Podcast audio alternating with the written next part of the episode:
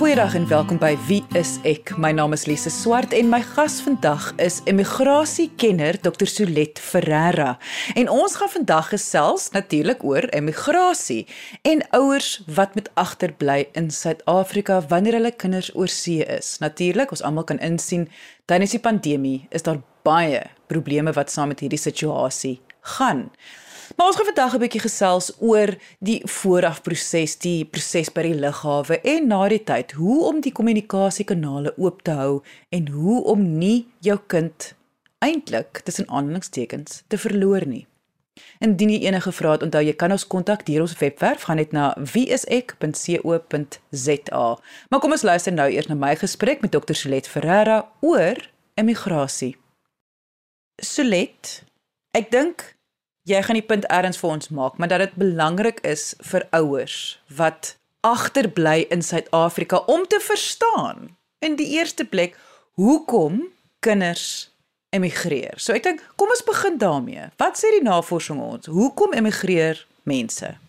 Dis daar's verskillende redes hoekom mense emigreer. En as ons nou al die die inligting lees in Suid-Afrika wat konstant gepubliseer word rakende immigrasie in Suid-Afrika, is dit vir my altyd interessant dat dit dit gaan gewoonlik oor die finansiële implikasies, dit gaan oor hoekom mense immigreer. En nou van die hoofredes wat gewoonlik genoem word, is veiligheid en sekuriteit, um, ons onderwys en ons opleiding, ons swak wisselkoers, ons hoë werkloosheidsyfer en dan ook die beerdkrag.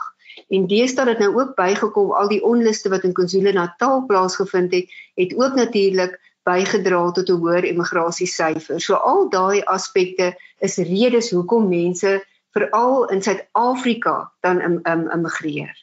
Jy wat nou baie te doen het met veral die ouers, jou navorsing is daarop gefokus. Ek ek wonder nou by myself, voel hulle soms dis as gevolg van hulle, selfs al sê die kinders dit nie vir hulle nie voel hulle nie soms dat dit is hulle skuld dat die kind emigreer nie. Dat al hierdie redes wat jy nou gegee het is voor die hand liggend en maar dat ouers voel kinders amper misbruik dit as verskonings.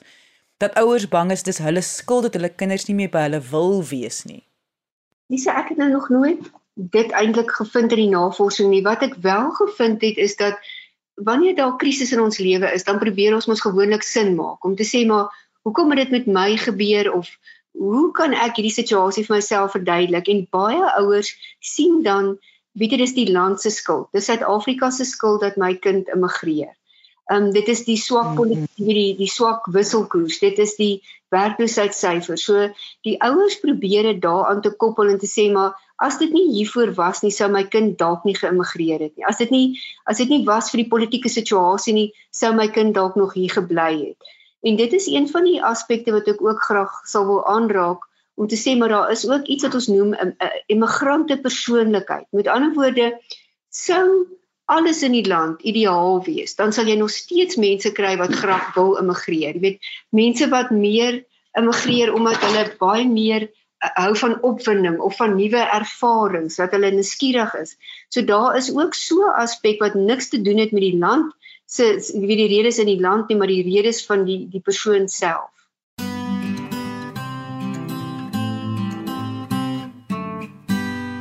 So let jy het die navorsing gedoen en ek wonder net wat het die navorsing vir ons gewys? Waarmee sukkel die ouers wat hier agterbly in Suid-Afrika die meeste? Lise, ek dink as ons net eers bietjie gaan kyk na hoekom immigreer die meeste mense want soos ek sê ek het vir jou nou die globale of die die die redes gegee wat die meeste aangehaal word, jy weet die veiligheid, die onderwys, die swak wisselkoers, die beerdkrag wat nou plaasvind. Maar dit is vir my belangrik om vir jou bietjie terugvoer te gee oor my navorsing en die redes wat ek gevind het. En die eerste belangrike rede wat vir my geweldig interessant was uit die navorsing uit vir so ingrypende besluit wat 'n persoon neem is daar gewoonlik nie net een rede nie. Met ander woorde, ek gaan nie immigreer net omdat daar beerdkrag is nie. Ek gaan nie immigreer net omdat daar 'n hoë werkloosheidsyfer is nie. So met ander woorde, die eerste belangrike aspek is dis gewoonlik 'n klomp redes wat saam weet wat saam speel. Ek is bekommerd oor my kinders se toekoms. Ons het al misdaad ervaar.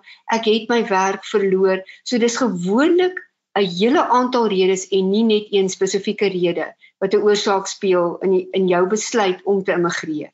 Want ek dink nie mense besef wat 'n ingrypende verandering is dit in die immigrant se lewe en dan nou ook in al die persone wat 'n rol speel in sy lewe, maar dis 'n geweldige geweldige ingrypende besluit wat 'n ou neem. So jy gaan hom nie net baseer op grond van een een rede nie.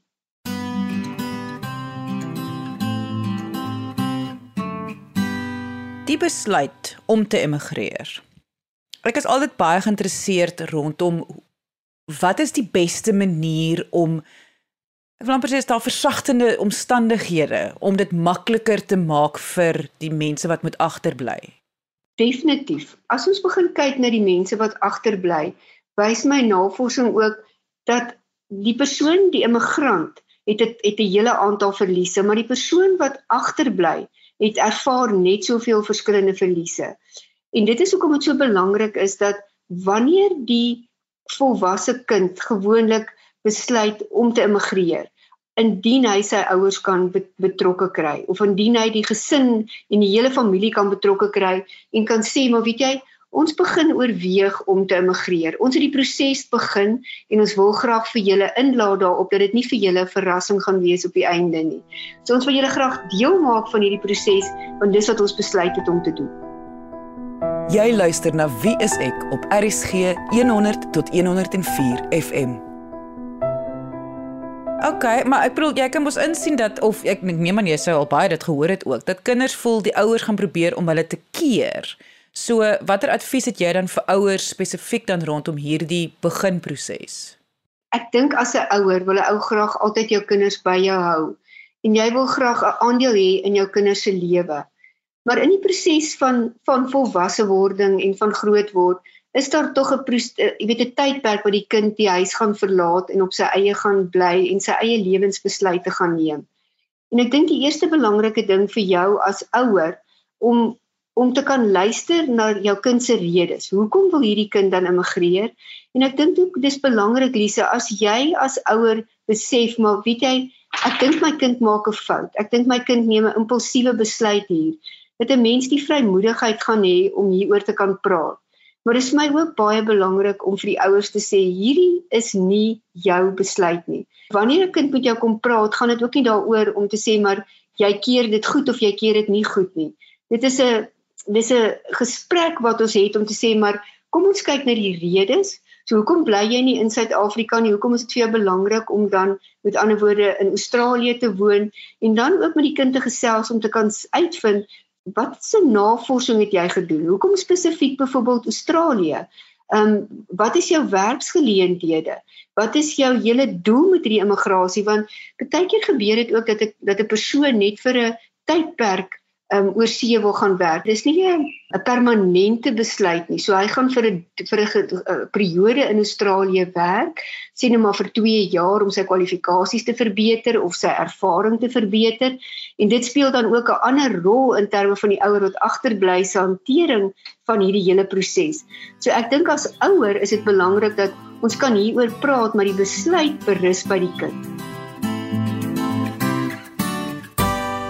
So let die vooraf proses. Dit is nou voor die kinders op die vliegtuig klim en daar gaan hulle nou. Wat kan ouers al daar in plek stel om kommunikasie sterk te hou wanneer hulle aan die ander kant nou is, wanneer hulle nou wel geëmigreer het? Dis baie belangrik dat die ouers soos ek sê van die begin af betrokke moet bly. So as dit as dit moontlik is, maar weet jy Lisa, mens moet ook nou gaan kyk dit hang mos nou ook af van die verhouding wat jy met jou kind het. As dit 'n baie goeie verhouding is, gaan dit ook mos 'n oop kommunikasie wees om te sê, kom ons gesels hieroor, kom ons bespreek hoe die proses gaan verloop. Maar as dit nie 'n goeie verhouding is nie, dit het ek ook in die navorsing gevind. As julle al vir 'n geruime tyd nie oor belangrike aspekte gesels nie, gaan hierdie kind mos nie met jou die hele immigrasieproses deel nie. Daar gaan nie 'n kommunikasie daaroor wees nie. Maar as jy 'n goeie verhouding het, is dit ook 'n situasie waar jy van die begin af kan met mekaar kan kommunikeer en sê maar hoe gaan ons hierdie hele aspek hanteer? Hoe gaan ons die kontak behou? En daarom dink ek ook van die begin af dan te sê, ehm um, een van die aspekte waar die amper soos die emosies redelik hoog loop is by die fisiese groet of die fisiese afskeid op die lughawe om daar dan al te kan sê hoorie maar gaan jy saam lughawe toe? Gaan ons by die huis afskeid neem? Hoe gaan ons hierdie afskeidsproses hanteer? En weet vir baie mense wat nie in die situasie is nie klink dit vreemd om te dink maar ons praat nou oor die afskeid op 'n lughawe maar as jy as ouer op daai lughawe moet staan en jou kind moet groet en jy weet nie wanneer jy die kind weer gaan sien nie kan jy dink Lise hoeveel emosies en hoeveel um, weet ja soveel emosies wat deur al die persone gaan dit hmm.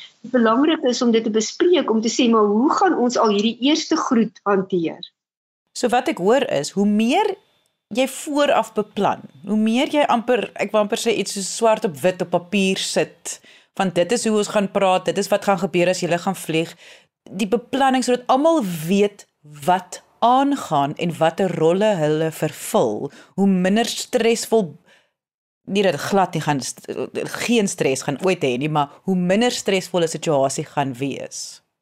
Seker, want ek dink as die kind byvoorbeeld vir die ouer kan sê, dit het ook in my navorsing plaas weet gevind dat een van die kinders het gesê en, en dit gebeur ook meer gereeld, um, asseblief moenie lughawe toe kom nie kan ons net by die huis afskeid neem want as 'n mens gaan kyk ook na die die argitektoniese ontwerp van 'n lughawe jy weet dit is nie dit is so 'n 'n publieke area waar jy soveel rou emosie ervaar en daarom het al van die kinders gesê asseblief net nie saam lughawe toe kom nie kan ons nie die afskeid by die huis neem nie Terwyl van die ouers voel wie kan ek nie tot op die laaste oomblik net saam met jou wees en lughawe toe gaan nie. So as 'n mens vooraf hieroor kan gesels en kommunikeer en albei se behoeftes kan verstaan, maak dit ook daai proses net so bietjie makliker. So ja, jy's reg, hoe meer 'n mens hieroor kan praat en hoe meer ons weet wat wat verwag my kind van my en wat verwag ek van my ouer, hoe makliker maak dit die proses. Maar nou moet ek ook vir jou sê Lise, ek dink 'n mens kan voorberei soos wat jy wil en sê ehm um, weet ek gaan hierdie hierdie hele afskeidsproses byvoorbeeld so so emosioneel volwasse hanteer as dit ek menslik moontlik kan en as jy daar staan die dag dink ek is daar 'n klomp van daai emosies wat jy net glad nie kan hanteer nie. So mense kan op voorberei tot op 'n punt, maar dan tree die werklikheid ook in.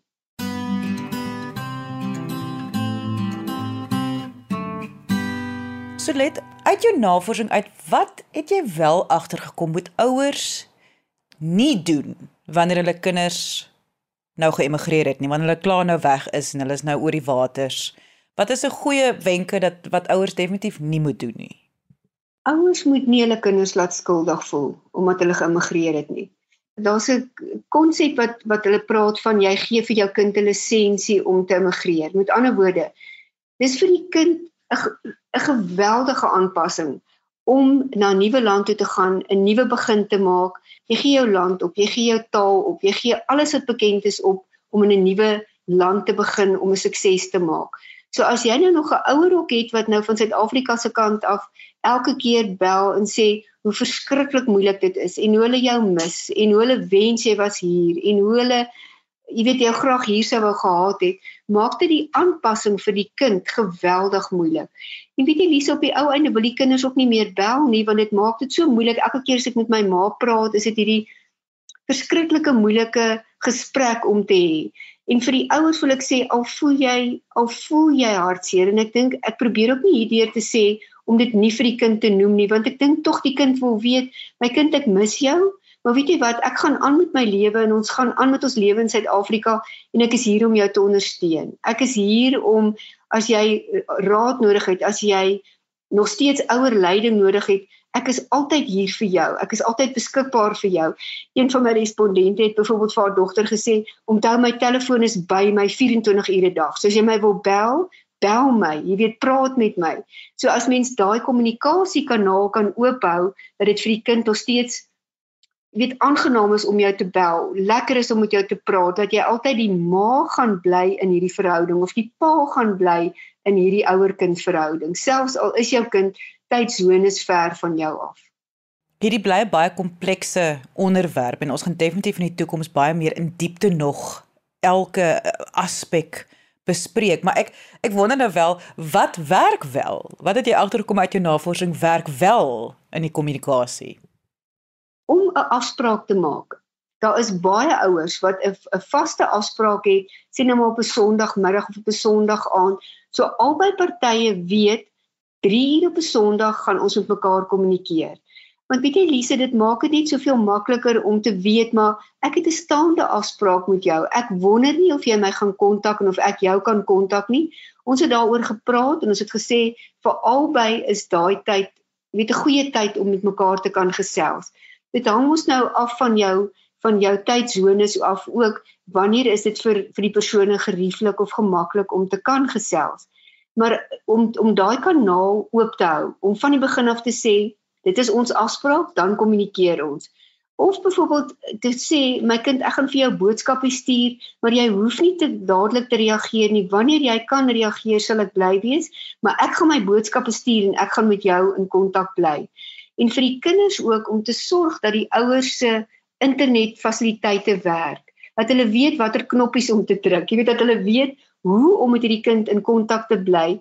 Want Lise, jy kan nou ook dink as jou kind in Australië is, nou het jou internetfasiliteit werk nie en jy weet nie hoe om dit reg te kry nie. So om iemand daar ook te kan hê om te kan help dat jy hierdie kommunikasie kan behou met jou kind in die buiteland.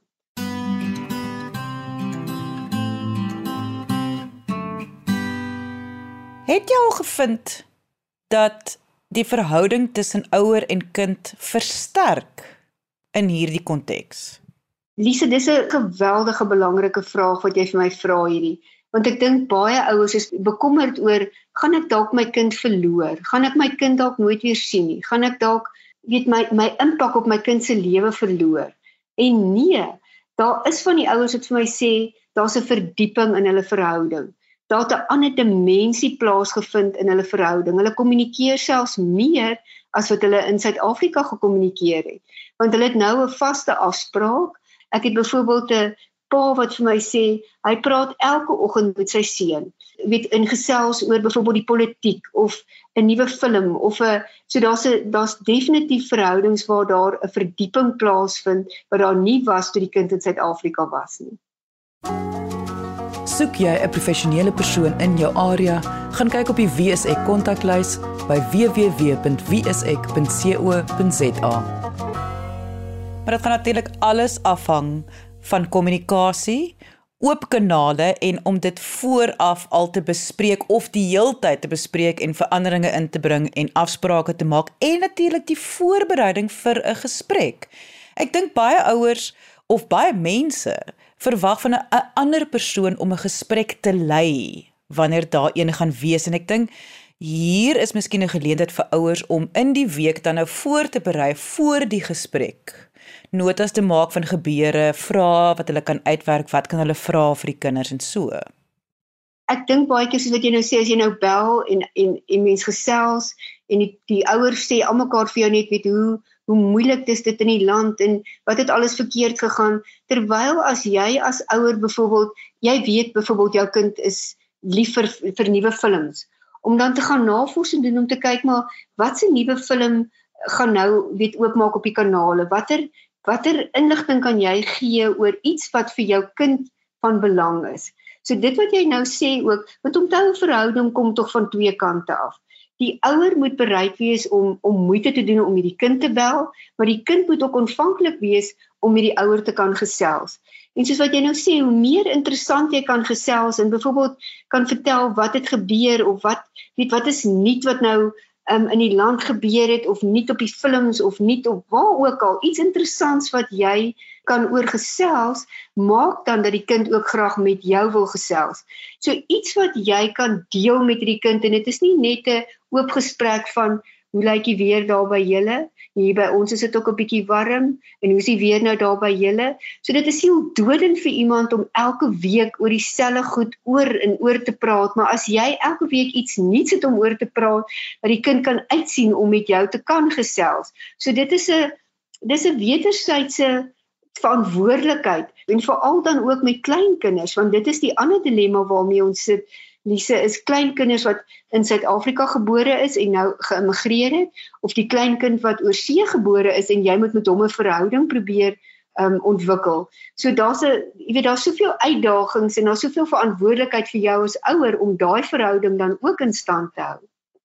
Voor ons nou afsluit, wil ek net gesels oor eerlikheid. Jy het nou vroeër genoem natuurlik mens kan nie die heeltyd sê dat ek mis jou en dit is so swaar en hoekom het jy en al daai nie dit dit is so half instinktief moet ons almal besef dit is nie hoe mense gesprek kan voer nie maar daar is ook iets te sê vir kinders wat baie lank oor see woon en ouers wat ouer word en siektes en goed wat gebeur op 'n fisieke vlak.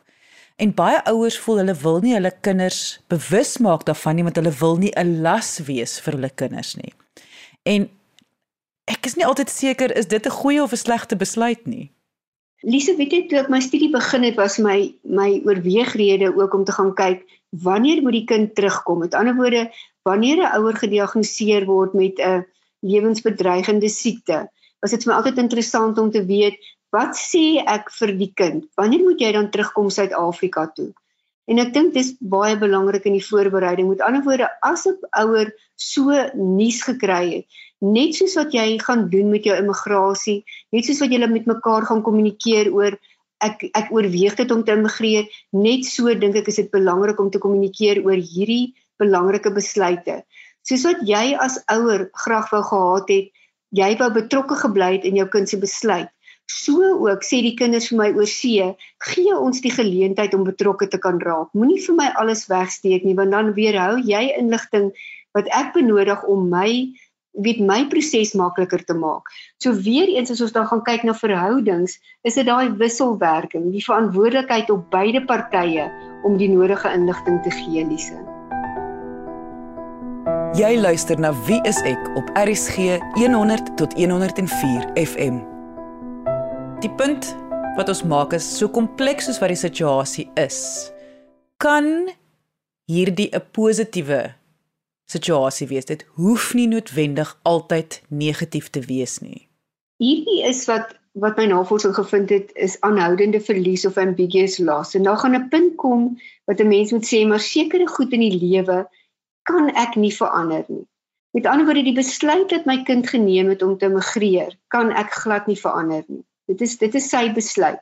En ek dink dit maak dit vir my as ouer ook makliker om daarom te dink maar dit was nie my besluit nie, dit was nie my keuse nie, dit was my kind se keuse. Maar hoe ek hierdie keuse gaan hanteer en wat ek met hierdie keuse gaan maak, dit is my verantwoordelikheid. En daar het ek 'n 'n inset en daar kan ek besluit hoe gaan ek dit hanteer? Gaan ek dit op 'n positiewe manier hanteer om byvoorbeeld te sorg dat ek in kommunikasie bly met my kind? Om die verantwoordelikheid te hê om steeds 'n ouer te bly, om steeds 'n inset in sy lewe te kan hê, want daaroor het ek beheer om dan ook vir my kind te kan help en nog steeds 'n ouer te kan bly oor tyd so 'n seun.